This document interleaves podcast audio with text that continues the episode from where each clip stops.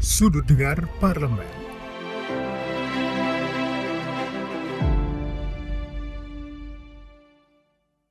Assalamualaikum warahmatullahi wabarakatuh. Waalaikumsalam warahmatullahi wabarakatuh. Kembali dalam program podcast Q&A. Oke, Saya bertanya, Bapak menjawab Oke. secara singkat dan cepat. siap.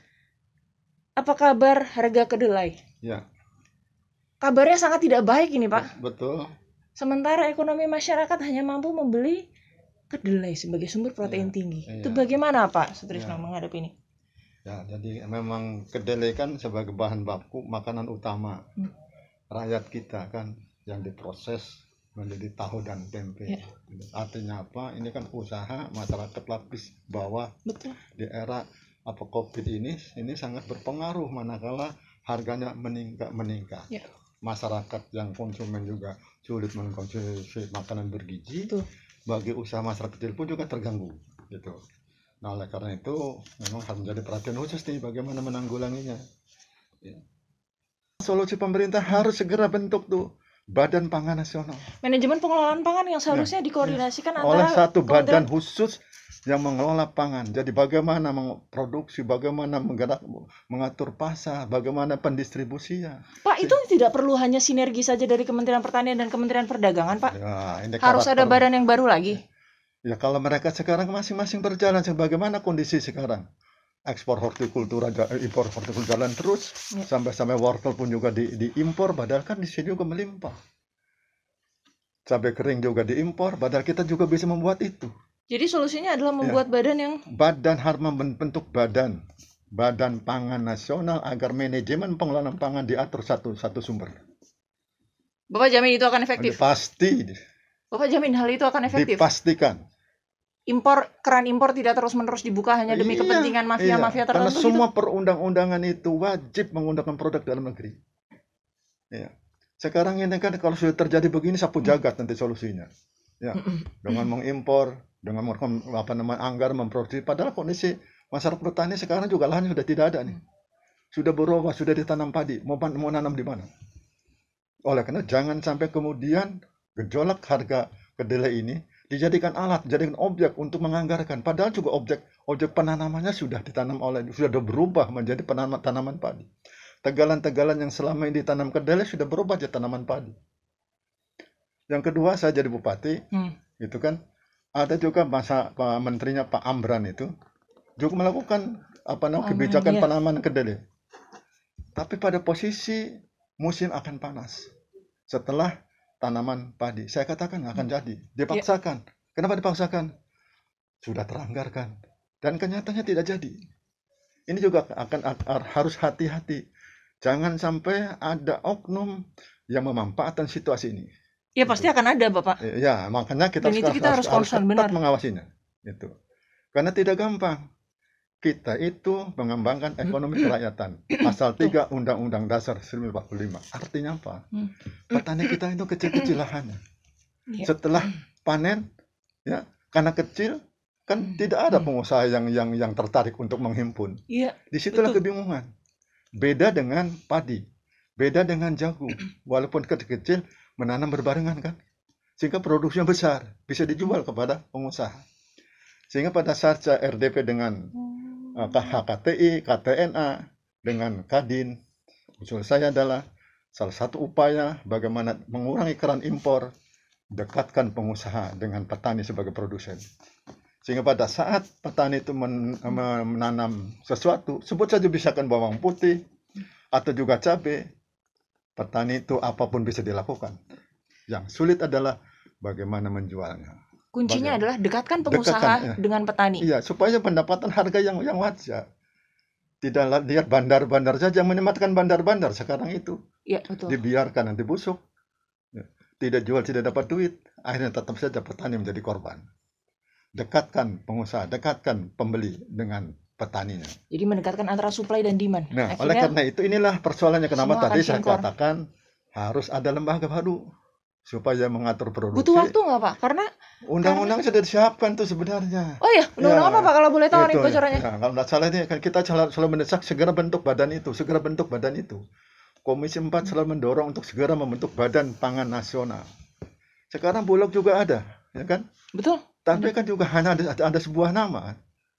Tidak punya kegiatan. Iya kan? Itu. Benturan bagaimana Dirjen Hortikultura dengan Kementerian Perdagangan. Iya, terkait masalah impor. Iya kan? Itu. Akhirnya masalah intinya Ya. jadi malah nggak ketemu, Ah, nggak ada ketemu. solusinya ada gitu kan. solution itu tadi. Ya, Digerakkan kayak apa pun. Kalau kalau mengenai janji-janji manisnya janji-janji manisnya Kementerian Perdagangan gitu bahwa kedelai impor akan diganti dengan produksi lokal, kemudian eh, janji manisnya dari Menteri Pertanian sendiri akan melipat gandakan produk lokal, gimana Pak? Itu pertanyaannya. Janji manis itu bagaimana menjawabnya? Lahan-lahan tegalan yang selama ini ditanam kedelai sudah berubah fungsi menjadi lahan lahan padi. Dan petani udah nggak mau lagi Petani berusaha. sudah tidak mau lagi. Kalau mau nanam nanti menunggu selesai tanaman padi, hujan sudah tidak ada. Ini kan persoalan. Hmm. Ya, ini yang saya katakan jaga anggaran jangan sampai dimanfaatkan untuk itu. Konkret di mana lahannya. Ya.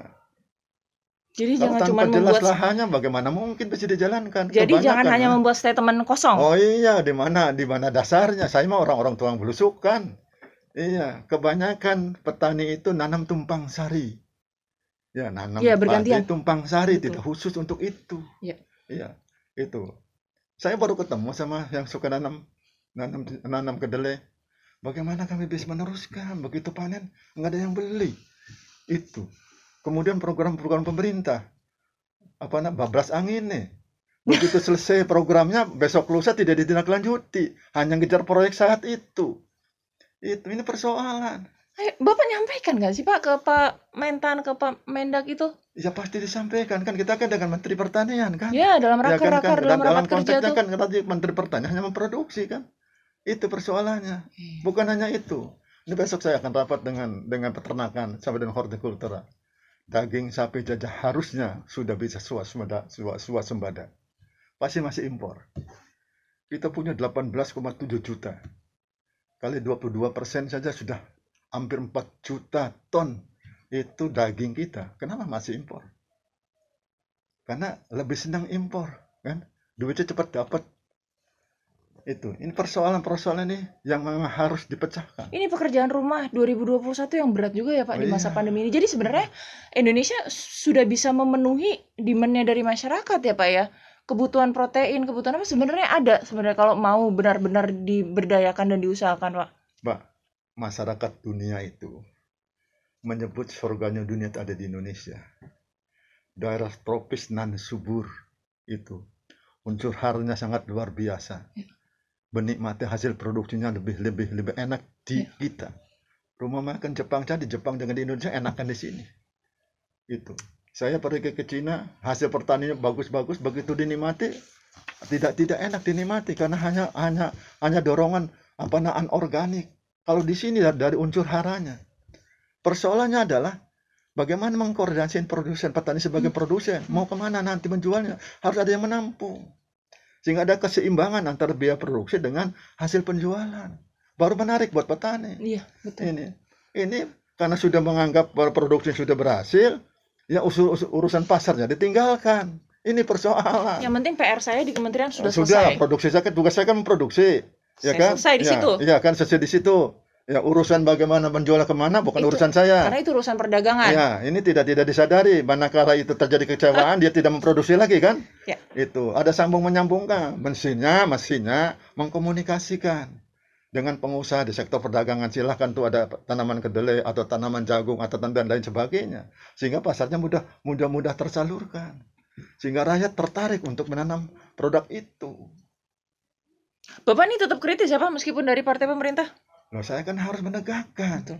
ya Betul, betul. ya presiden pun juga inginnya baik kan Iya. baiknya pemerintah itu sangat tergantung baga- bagaimana para birokrasinya dulu pada waktu gerakan menanam kedelai upa, upa, upacaranya pakai segala macam biaya luar biasa tapi begitu ditanam bagaimana hasilnya itu masa bodoh dan itu karakter-karakter itu yang belum bisa dihilangkan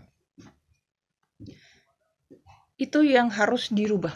Budaya seperti itu. iya Budaya untuk tidak bersinergi, Oh, budaya untuk iya, tidak saling iya. membantu dan budaya untuk sangat tergantung dengan impor. iya Ini kenaikan harga kedelai disebabkan akibat Tiongkok meningkatkan kuota impor kedelai hingga sebesar 60%.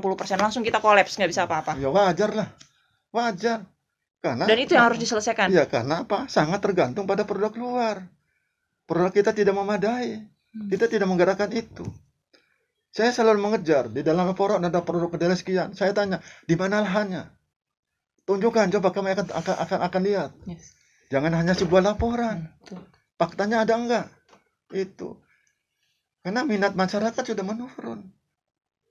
Dan itu manusiawi Nah, iya. karena mereka bekerja untuk mendapatkan eh, materi dan tidak ada sama sekali di situ. Iya. Lahan mereka jadi tidak terjual dengan baik segala macam semuanya. Artinya Akhirnya mereka? Dia mencari yang mudah, mendapatkan uang cash kan. Begitu panen dia bisa bisa menanam kembali untuk tidak menyimpan menunggu kapan mau dijual karena masa mayoritas rakyat petani kita adalah petani yang uang modalnya pas-pasan, mau nanam kembali menjual hasil produksinya.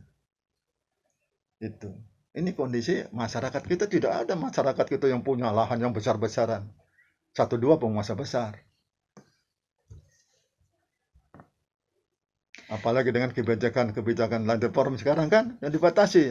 Setiap orang harus punya saja sekian. Dan kita dapat hasil dari kedelai kalaupun misalnya kita mau mau swadaya sendiri adalah 5 sampai 6 bulan. Belum lagi kita membentuk Bukan badannya. mungkin. Dan ini Saya pekerjaan berani bertaruh tidak akan mungkin bisa di- di- dicapai. Dari mana? Di mana Berarti- lahannya? berarti dibentuk badan dulu. Nah, ini itu tentunya dulu. ini bukan bukan bukan bukan sekarang badan juga perlu perlu, proses. Iya, Kalau itu mau proses. mengatasi jangka panjang, Silahkan ya badan eh, itu harus ayo, bentuk itu. kita bentuk itu. Itu ya. Itu Ya. itu eh, solusi jangka panjang Iya, kita nih, kita iya, bentuk badan. Ya, jangka, baik. jangka pendek ini terlambat masanya nih. Iya, Petani betul. sudah mulai menanam, sudah mau sudah mulai mekar ini padinya. Setelah itu musim Oh. kedua. Iya. Adakah jaminan setelah nanti mereka menanam kedelai akan mendapat harganya lebih baik? Belum tentu.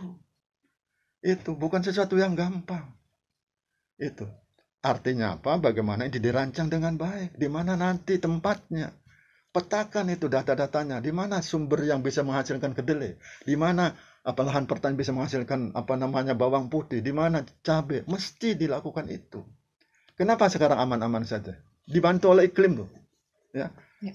Jumlah produksi di satu wilayah itu memang tidak begitu berlebihan. Mm. Tapi pada saat tidak ada ini bisa ditutupi oleh daerah lainnya memang musimnya agak-agak agak berbeda kan. Hmm. Di sini musim musim hujan, di sana belum musim hujan. Masih ada musim hujan. Jadi kan saling menutupi. Tapi manakah terjadi gejolak seperti sekarang? Cina menutup apa namanya kedelainya, kelabakan. Itu. Karena kita tidak bisa mensupport besar-besaran untuk menutup kurangi di satu wilayah. Ya. Itu. Di sini perlu manajemen, makanya saya bilang. Ya, Iya, betul. itu. Betul. Di daerah mana yang lahannya bagus besar ya kita kembangkan secara kontinu. Itu. Jangan kemudian sudah ada proyek besok lusanya tidak lagi. Itu. Ini mah eh, itu mah program ngejar proyek itu mah. Dan itu sebaiknya jangan dilakukan. jangan dilakukan. Ya. Berarti jangka jangka panjangnya ada pembentukan badan. Iya Jangka ya, pendeknya adalah mapping lahan. ya, kita iya, harus mapping o- lahan. oke Ah, iya Jangan hanya bicara Kemudian kita akan produksi produksi produksi Iya, tapi iya. nggak ada lahan. hadirkan juga kalau memang sudah ada lahannya kemudian berikan teknologinya berikan bibit yang bagus itu kan kemudian hadirkan pembelinya itu petani mau apa pun dilakukan asalkan ada jaminan Dekatkan Untuk- pengusaha dengan petani, Ya, dekatkan iya. supply dengan dem- demand, dan usahakan produksi lokal, Ya. support dan manajemen. iya. Itu yang bapak tekankan bimbing kemudian petani sampai hari ini nih mohon maaf ya tentang padi saja. Mereka ilmu katon. Untuk pupuk berimbang berapa urea berapa poska berapa apa TCL itu SP36 mereka tidak pernah diberitahukan komposisi yang sebenarnya. Saya selalu menanyakan kamu bagaimana ngatur pupuk? Ya ya biasa biasa kalau kurang saya tambahin. Ini kan juga kan tidak efisien tidak efektif. Kita punya penyuluh di tiap desa manfaatkan itu berikan bimbingan kepada masyarakat sekolah lapangan ada tapi sekolah lapangan ada proyek habis besok lusa tidak dijalankan ini fakta di lapangan Ya. saya mantan bupati Ya. sampai sekarang pun saya tukang belusukan Nggak pernah bosan-bosan dan mengetahui Ya. dari lapangan Oh, ya, fakta saya lapangan tahu, langsung saya, ya pak ya. saya tahu persis iya itu Baik. Yang terakhir adalah eh, apa solusi yang terbaik yang harus dilakukan oleh pemerintah saat ini? Sinergi dengan kementerian atau seperti apa pak untuk menghadapi naik turunnya harga kedelai seperti ini? Lonjakan harga kedelai yang Ya. kembali lagi terjadi. Dan ini peristiwanya selalu terjadi. Dan bukan hanya di, di kedelai itu di, di, di semua lini. Kalau sekarang masih aman-aman saja kan bisa saling menutupi. Iya, tapi betul. kalau ada gejolak yang besar tadi bapak juga bilang Iya. daging juga. Ya daging. Kita kan punya 18,7 juta apa namanya eh, ekor sapi. Kalau kali 22,5 persen, udah hampir apa namanya 4 juta ton. Ya, kenapa masih masih impor? Kalau Ya. diatur dengan baik, ini kan bisa sekian tahun apa namanya pu- pu- punya cadangan ca- ca- cadangan daging kan? Belum lagi nanti mem- apa namanya membangun apa namanya sapi bakalan lagi untuk untuk cadangan tambahan kan? Kalau manajemen diatur dengan baik. Ini mah anggarannya copy paste. Yang kemarin begitu, sekarang begini. Saya lanjutkan saja Ya dilanjutkan saja, tidak perlu dievaluasi. Itu, ini berhasil atau tidak berhasil. Yakin kalau di manage dengan baik, negara ini bisa suasana pangan di semua lini. Jadi lonjakan harga kedelai ini hanya adalah satu contoh kecil saja. Ya, Tetapi yang harus disoroti adalah semua iya, iya, bahan baku, semua Iya. eh, sumber makanan Iya. masyarakat Indonesia agar iya. eh, kita semua bisa swasembada pangan. ya. Nah, tadi saya terakhir, kalau memang sekarang mengatasi jangka pendek ini, sinergitas antara Kementerian Pertanian, Perdagangan, bagaimana menghadirkan pengusaha supaya bisa ada jaminan hasil produksinya dibeli dengan harga, yang wajar, petani menguntungkan. Tanpa itu tidak akan ada kemauan. Karena selalu kalau di lapangan, mana jaminan kami nanti menjualnya ke mana dan harganya berapa. Termasuk bawang putih. Kita perjuangkan petani, Ya. kita perjuangkan Dan ekonomi manakala kerakyatan. sinergitas dibangun, lahannya ada, memperhitungkan iklim, jangan kemudian ngejar anggaran sudah ada bisa di- dicairkan, tapi hasil tidak ada. Saya tidak ingin begitu. Nah, mudah-mudahan pemerintah kita ini kan fungsi pengawasan, libatkan DPR RI untuk mengawasi. Nah, tolong Pak Presiden nih suruh apa nama Pak, bersinergi dengan dengan DPR RI untuk mengawasi di lapangan supaya jangan ada penyalahgunaan seperti itu. Jadi kesimpulannya adalah pemerintah dan DPR harus bersinergi. Iya. Libatkan DPR RI dalam segala kebijakan-kebijakan, Iya, terutama dalam mengutamakan sumber swasembada pangan. supaya kita cek kita kan punya reses reses spesifik itu kan kunjungan spesifik kunjungan kunjungan pra, pra- apa, komisi kunjungan per orang bisa kita cek benar nggak ada ya kan karena ya unsur-unsur pengawasan yang ada di, di lembaga pemerintah itu kan dari sisi administrasi keuangan Ya. ya tidak sampai ke lapangan kayak apa? Kita kan bisa sampai ke lapangan. Bagaimana kondisinya yang sebenarnya? Itu. Sinergi antara DPR RI dan pemerintah untuk menjaga kualitas dari sumber daya pangan kita, untuk menjaga manajemennya, mendekatkan Ya. antara supply dengan demand, ya. mendekatkan antara eh, para pengusaha dengan petani, ya dan manajemen produksi untuk Ya. swasembada pangan. Oke, satu lagi terupon oleh saya. Apa tuh Pak? Konteks politik pemerintahan sekarang ini. Wah, ya, ini, Ini ya, dikaitkan dengan politik ya, juga bentar sebenarnya ya. pangan tuh. Ini kan di era otonomi daerah. Ya, betul. Kebijakan kayak apa pun kementerian, toh yang melaksanakan Daerah. adalah pemerintah daerah. Ya. Bangun sinergitasnya. Tekankan program-program ini. Oh. Itu karena yang akan melaksanakan mereka. Ya. Jangan cuek-cuek Jangan- aja, iya. jangan cuma ngasih program ja- dari jangan pusat. ego ini programku. Eh, itu. Ini program dari pusat nih, daerah Iya. harus ngelakuin. Ya, Enggak juga bagaimana gitu. disinergiskan? Jangan kemudian di, di daerah hanya asal-asalan. Banyak tuh Hmm. kan ini program dari atas asal dijalankan. Pantau hasilnya kayak apa? Bener enggak lahan yang diusulkan? Cek dulu. Hmm. Itu komunikasi dengan petaninya, sampaikan pada petaninya. Jangan kemudian sampai kesan tidak 100% programnya. Itu. Nah ini saya mantan bupati, saya bisa ngomong begitu. Iya nih. Iya. Saya jadi kayak dapat kuliah umum ini dari Nah. dari mantan bupati sekaligus anggota komisi 4 nih kayaknya nih. Dan anggota komisi 4 yang selalu kritis ya Pak ya, tapi ini kritis yang benar-benar membangun bahwa memang pemerintah eh, kaitannya dengan Kementerian Pertanian dan Perdagangan harus tetap bersinergi. Eh, PR jangka panjangnya adalah bagaimana membentuk badan nasional. Ya, Untuk masalah itu, ketahanan supaya pangan. bisa merencanakan dari sekarang itu Betul. kan. Dan Itu. jangka pendeknya yang tadi kita bicarakan adalah sinergi, sinergi dan Iya, sinergi. iya. Kementerian kaitannya dengan pemerintah dengan DPR. Iya. Pemerintah pusat kaitannya dengan pemerintah daerah. Iya. Kemudian bagaimana antara mendekatkan pengusaha dan petani. Betul, betul. Bagaimana mendekatkan antara supply dengan demand. Demand. Jadi nggak terbuang Iya. dengan Nah, sia-sia. Hukum ekonomi kalau itu, itu, Ah, itu, hukum terbangun kan ekonomi akan jalan dilibatkan. kan. Iya, Betul. ada keseimbangan penawaran permintaan. Jalan terus akan produksi. Ya, Jangan karena- terus produksi terus, petani Iya, sejahtera, iya, iya, rakyat iya, Indonesia pasti. sejahtera. Iya, pasti. Kita nggak butuh impor-impor lagi Ah, berarti kan? Iya, kita bisa memproses sendiri kok. Hmm, Iya. Baik. Ya. Terima kasih Pak Sutrisno, anggota Oke. Komisi 4 DPR ini dari fraksi partai. PD Perjuangan. Ya, Daerah pemilihan daerah pemilihan Jabar 9. Jabar 9. Majalengka, Subang, Sumedang. Majalengka, Subang, Subang, Sumedang. Sumedang. Assalamualaikum warahmatullahi wabarakatuh. Waalaikumsalam warahmatullahi